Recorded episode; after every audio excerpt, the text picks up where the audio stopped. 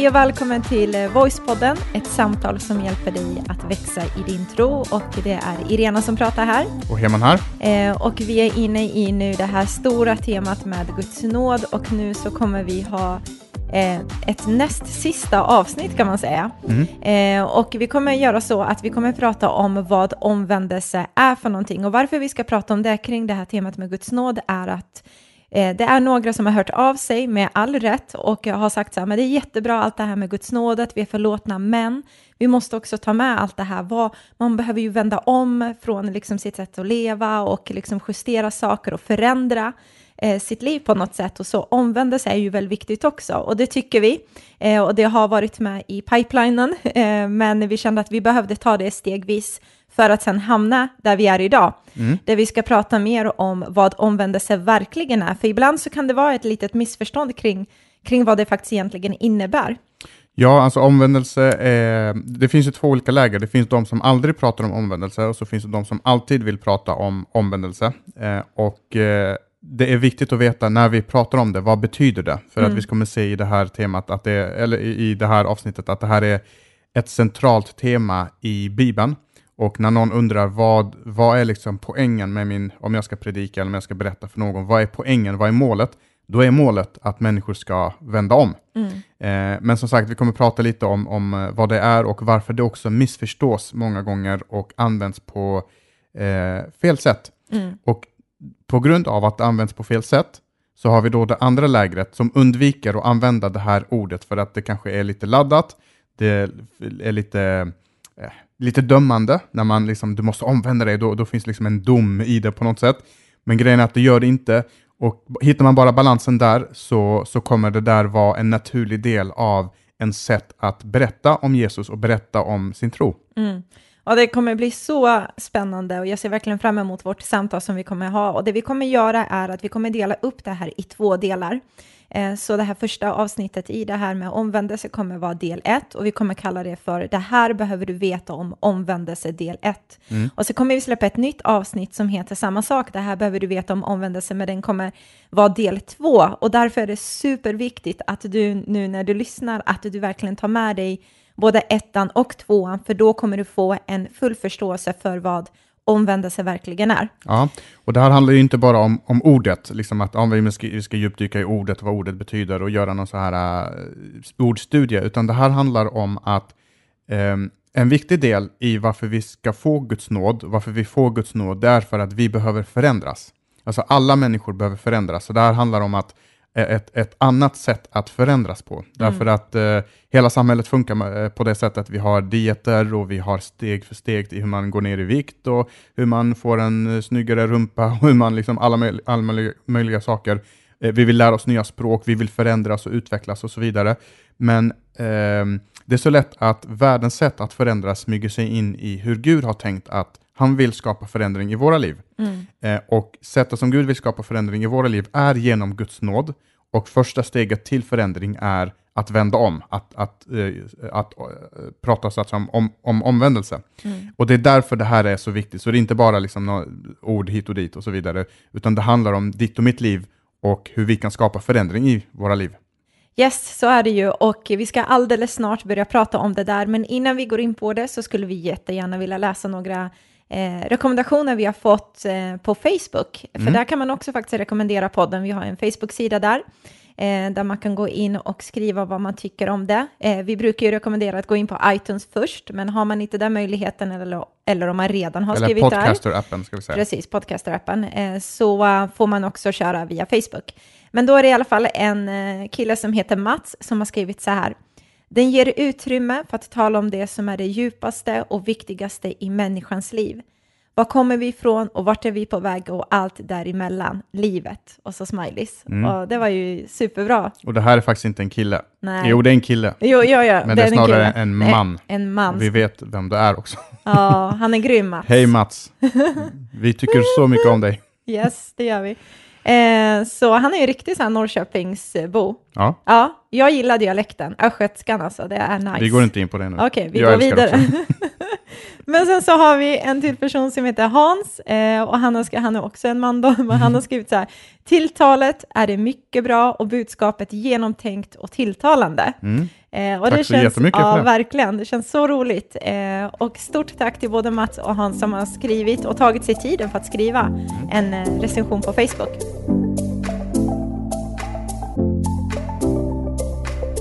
Ja, men du pratade om just det här att alla vill ha någon slags förändring och du pratar om samhällets sätt som smyger sig in ibland i just det här med att hur ska man förändra sig, vilka liksom verktyg ska man använda?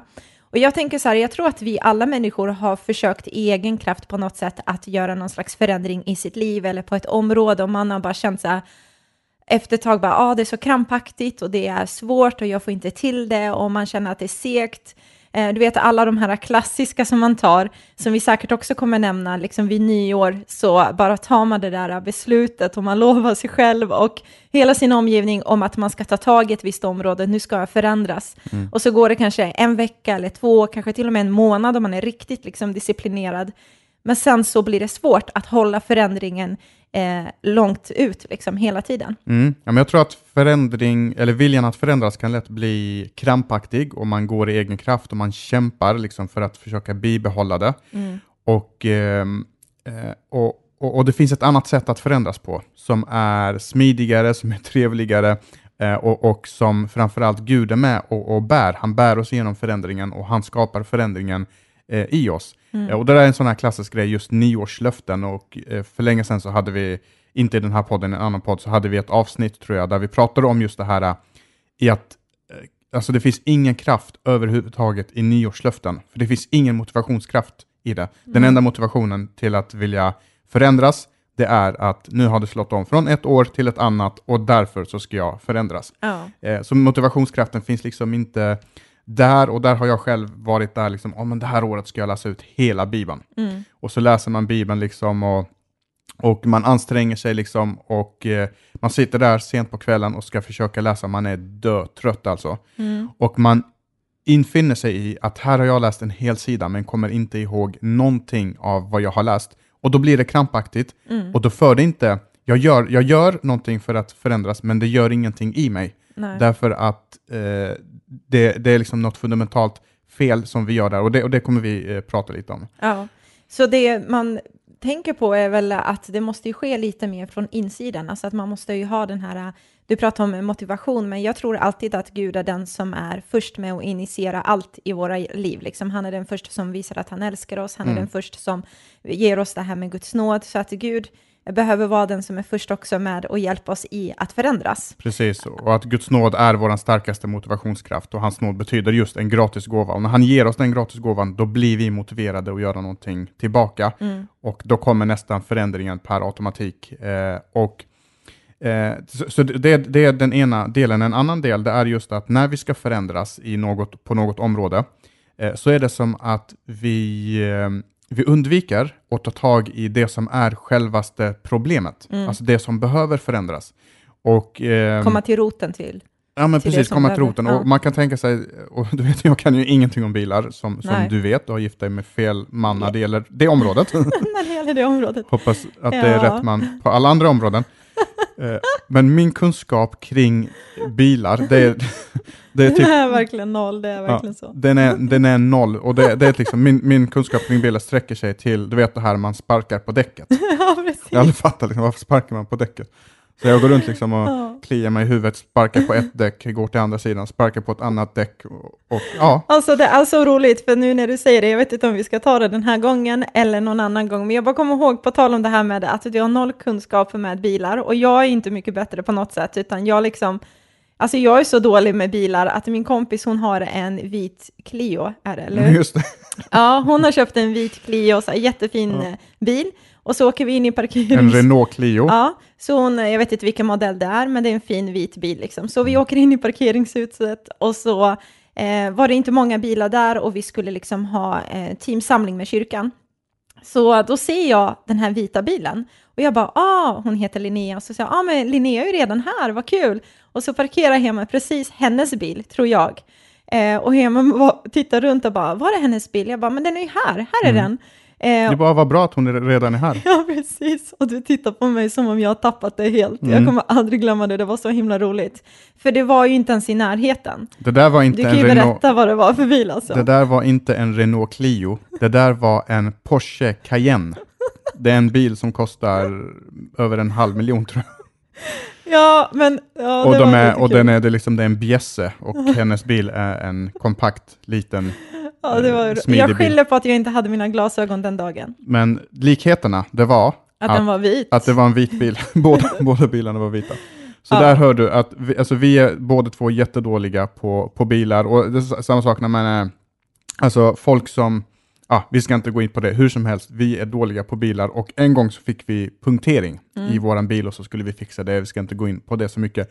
Men om man får en punktering på sin bil och så tar man sin bil till verkstaden och vill få den fixad och så kommer då personen och ja, men vi behöver fixa punkteringen och så säger du så här Nej, jag tror inte det, jag tror inte det är det som är problemet, utan jag tror bara vi behöver lacka om den. Mm. Om vi bara lackar om bilen så kommer den börja funka igen. Nej, nej, det kommer absolut inte funka. Vi måste byta däcket, det är ju däcket som är punktering. Jo, jag förstår, jag förstår var du kommer ifrån, vad du säger så här, men, men, eh, men så här gör vi då. Jag, jag tror att vi behöver köpa ett nytt stereosystem. Om vi Mm. bara köper ett nytt stereosystem till bilen, då kommer den börja funka igen. Eh, och den här mekanikern tycker jag att du är helt bäng i huvudet. Alltså vill du ha min hjälp eller inte, det är däcket som behöver fixas. Mm. Nej men du, vi gör så här, vi omplacerar bilen bara, vi lägger den i Stockholm istället och då kommer den funka mycket bättre. Mm. Eh, poängen med den här jättedumma liknelsen är att på samma sätt så kan det vara i våra liv, att vi har någonting i våra liv som vi behöver förändra, som vi vill förändra, men istället för att gå till roten på det, som, som du sa Irena, så eh, börjar vi fixa på vårt yttre. Vi börjar lacka om oss själva, vi, börjar fixa på oss själva. Eller så behöver vi köpa prylar, den här stereon som är en bild på det. Just Köpa det. prylar, konsumera, resor, vad nu är. Om vi bara gör det, då kommer jag må bättre. Eh, då kommer det här problemet lösa sig, då kommer jag förändras. Mm. Eller om jag bara flyttar. Om jag bara åker till den och den platsen och omplacerar mig, då kommer alla problemen att lösas, då kommer mitt liv förändras.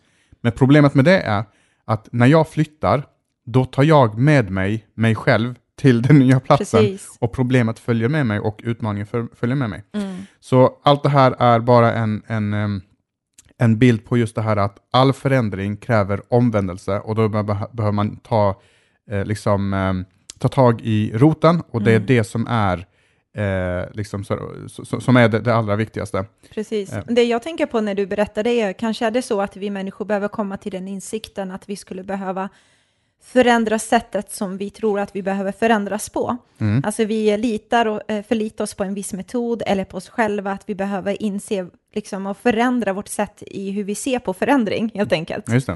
Eh, och eh, jag eh, tänker på att, eh, att det sättet som vi försöker förändras på, det, det har inte funkat hittills. Och Mm. därför så behöver vi liksom hitta det där att, okej, jag behöver förändra mitt sätt liksom med hur jag tror att en förändring, en verklig förändring kan ske. Precis. Eh. Och det var just därför Jesus kom. Ja, Eh, han kom därför att han hade gett dem ett sätt att förändras på under flera tusen år, som, vi, som eh, Bibeln då kallar för lagen. Det här är de regler ni måste följa. Följer ni inte de reglerna, då liksom blir det dåligt. Följer du dem så blir det bra. Och det funkade inte.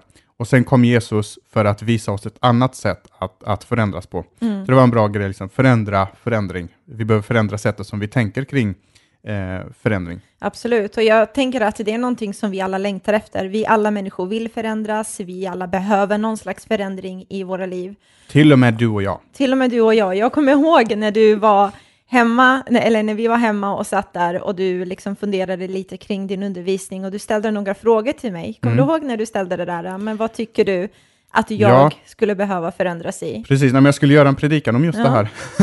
och, och då vill jag samla lite så här material och då kommer jag till dig och så här, älskling, eh, eh, vad tycker du att jag skulle behöva, för, och, och jag hade tänkt på att jag måste formulera frågan på det sättet, inte finns det någonting jag behöver förändras i, utan vad tycker du att jag ska förändras Ja, i? det var ödmjukt.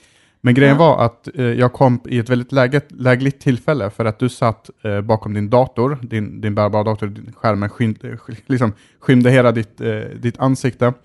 Och eh, troligtvis, om jag får gissa, så satt du på H&M och, och shoppade, eller gjorde någonting väldigt viktigt. Så jag Ja. ställde den frågan till Jag dig. läste på Wikipedia. Jag skulle sagt att jag satt och läste Bibeln eller något. Men Mm. du satt och var upptagen i alla fall och eh, hade din bärbara dator i knät och Mm. tittade och eh, så ställer jag den här frågan och du är så upptagen så då säger du liksom "Mm, nej, inget speciellt. Jag kan, kan inte komma på någonting speciellt och jag bara yes! Jag visste det! Jag visste det! Ja, så tog jag ett andetag. Ja, sen tog det tre sekunder och ditt huvud liksom eh, stack upp bakom datorn och så bara eh, ja, att plocka upp efter dig, Mm. att visa uppskattning lite oftare, att inte tro att du alltid har rätt och så Mm. forts- fortsätter du så eh, en stund och En stund. Det tog aldrig slut. det tog aldrig slut, det var en lång, lång lista. Nej, Men vi behöver alla förändringar i alla fall. så är det. Vi och- behöver absolut det. Och Bibeln pratar ju om förändring. Mm. Eh, och Bibeln pratar om just att förändringen kommer där vid att vi vänder om, vid Ja. omvändelsen. Eh, och när vi människor, när vi försöker på något sätt förändras i livet så sker det oftast i samband med en omvändelse, att vi vänder oss till någonting, vänder, vi vänder oss ifrån någonting, mot någonting. Mm. Eh, och Bibeln pratar väldigt mycket om omvändelse. Ja, Eh, och vi tänkte att vi ska läsa några sammanhang där också. ja, för att med tanke på hur mycket, vilket centralt tema Mm. det här är, så som sagt pratar vi om det alldeles för, för, för lite. Mm. Men jag förstår att vi inte pratar så mycket om det, för att som du sa i början där, så kan det vara så att vissa har använt namnet, namnet eller beskrivningen på ett sätt som har varit dömande, som har gjort att kyrkan inte har varit representativ i hur den har förklarat vad det glada budskapet handlar om. Och då vill man in- inte bli kategoriserat i det facket. Nej, det. Eh, du vet att folk stänger av och bara nej, jag har hört det där förut, nej tack, inget för mig. Mm. Men nu ska vi prata om vad Bibeln säger eh, och då ska vi läsa lite olika eh, bibelord där man lyfter fram just det här med ordet att vända om och omvändelse. Och vi börjar i, i Matteus evangeliet kapitel 3 och vers 1-2, då står det så här.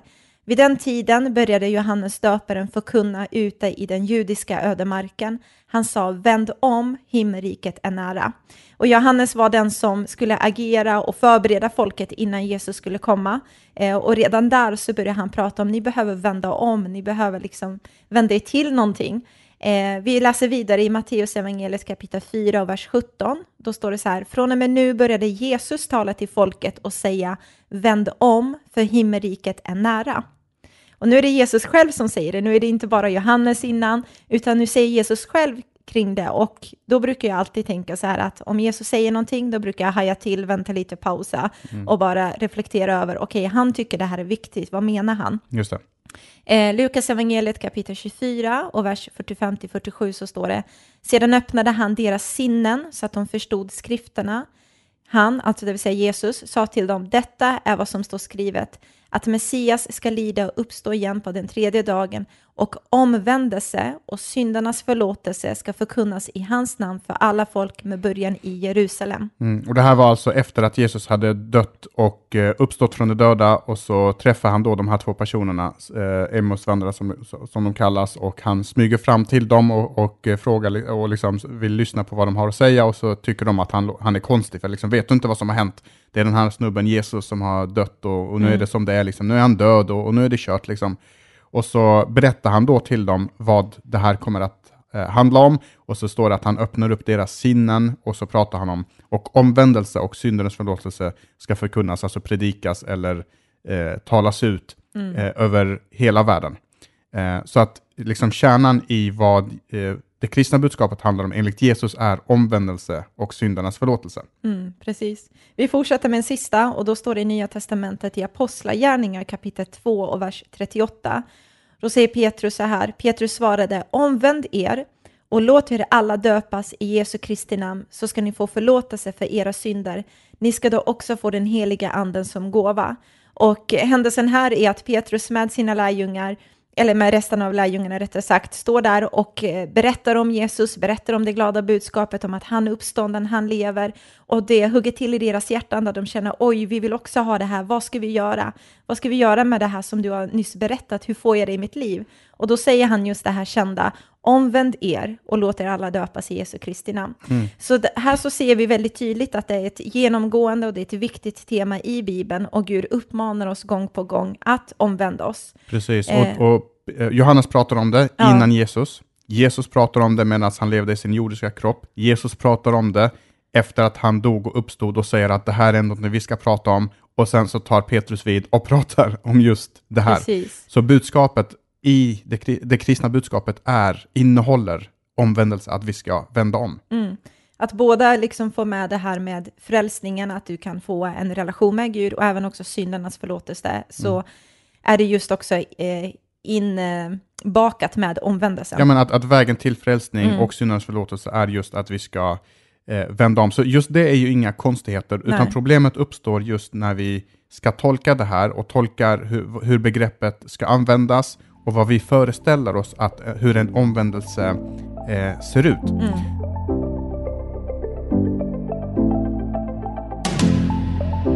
Men omvändelse betyder i alla fall inte det som vi kanske tänker, som du snuddar på nu, med bättring eller skärpning, du vet att man egentligen inte vill, men sen så får man det här hårda ordet, bara, nu ska du minsann ta dig i kragen och fixa till det här.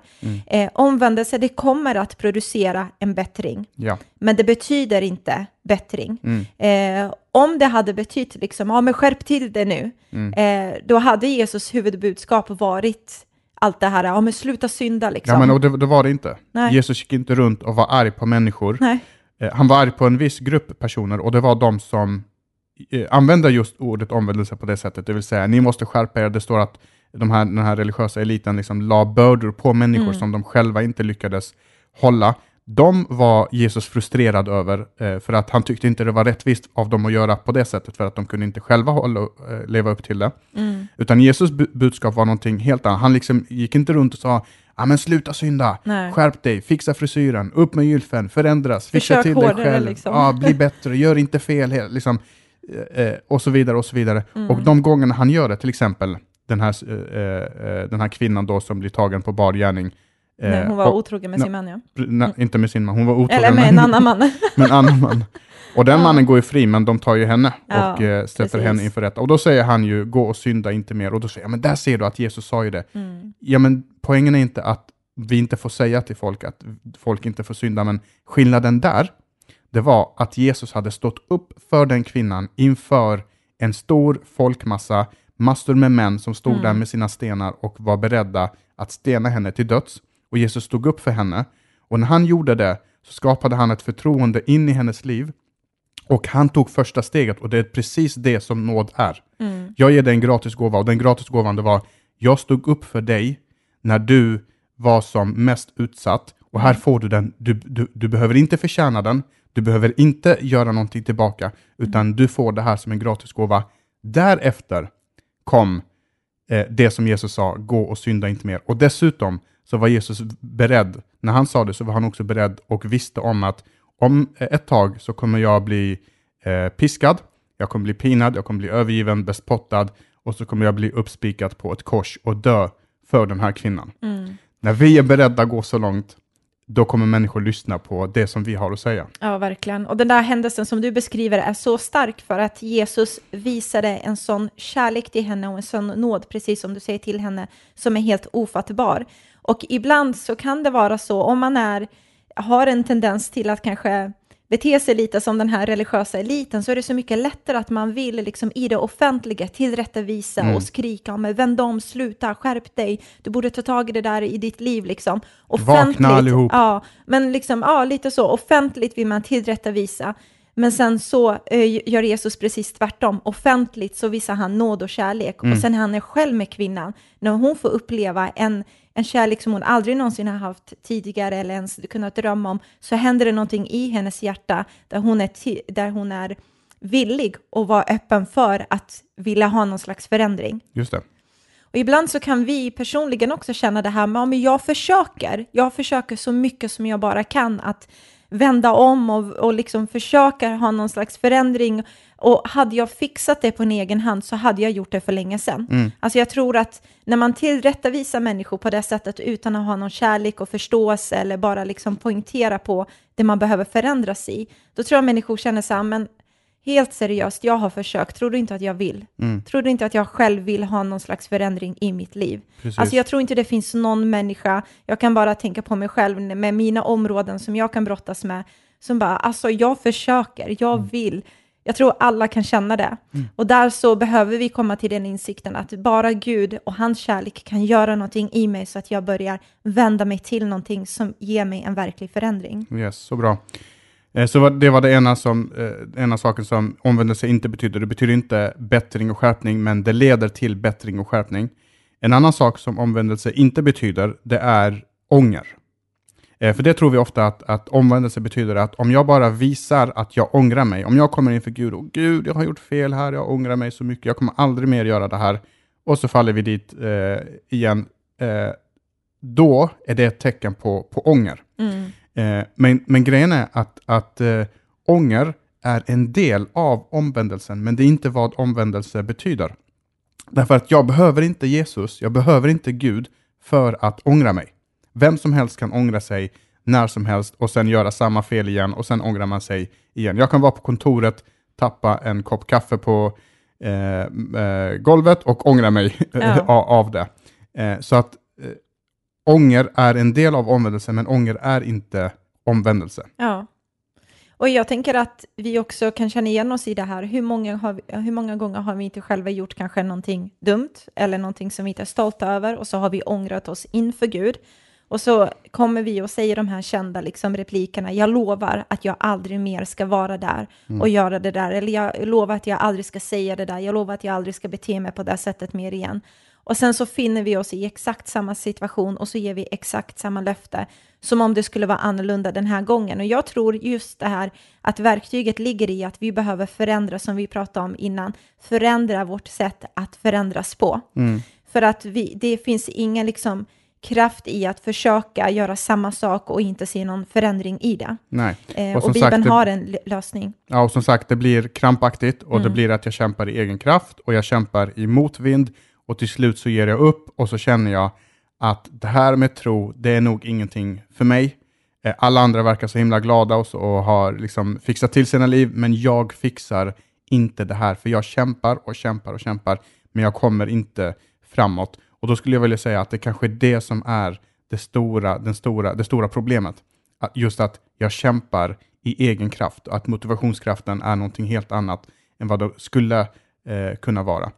För det finns ett sätt att förändras på som nästan sker per automatik om vi lägger fokuset på någonting annat än själva förändringen. Och det är det som är det paradoxala i det här, att när vi lägger fokus på, att, på själva förändringen, då kommer det här krampaktiga eh, i livet.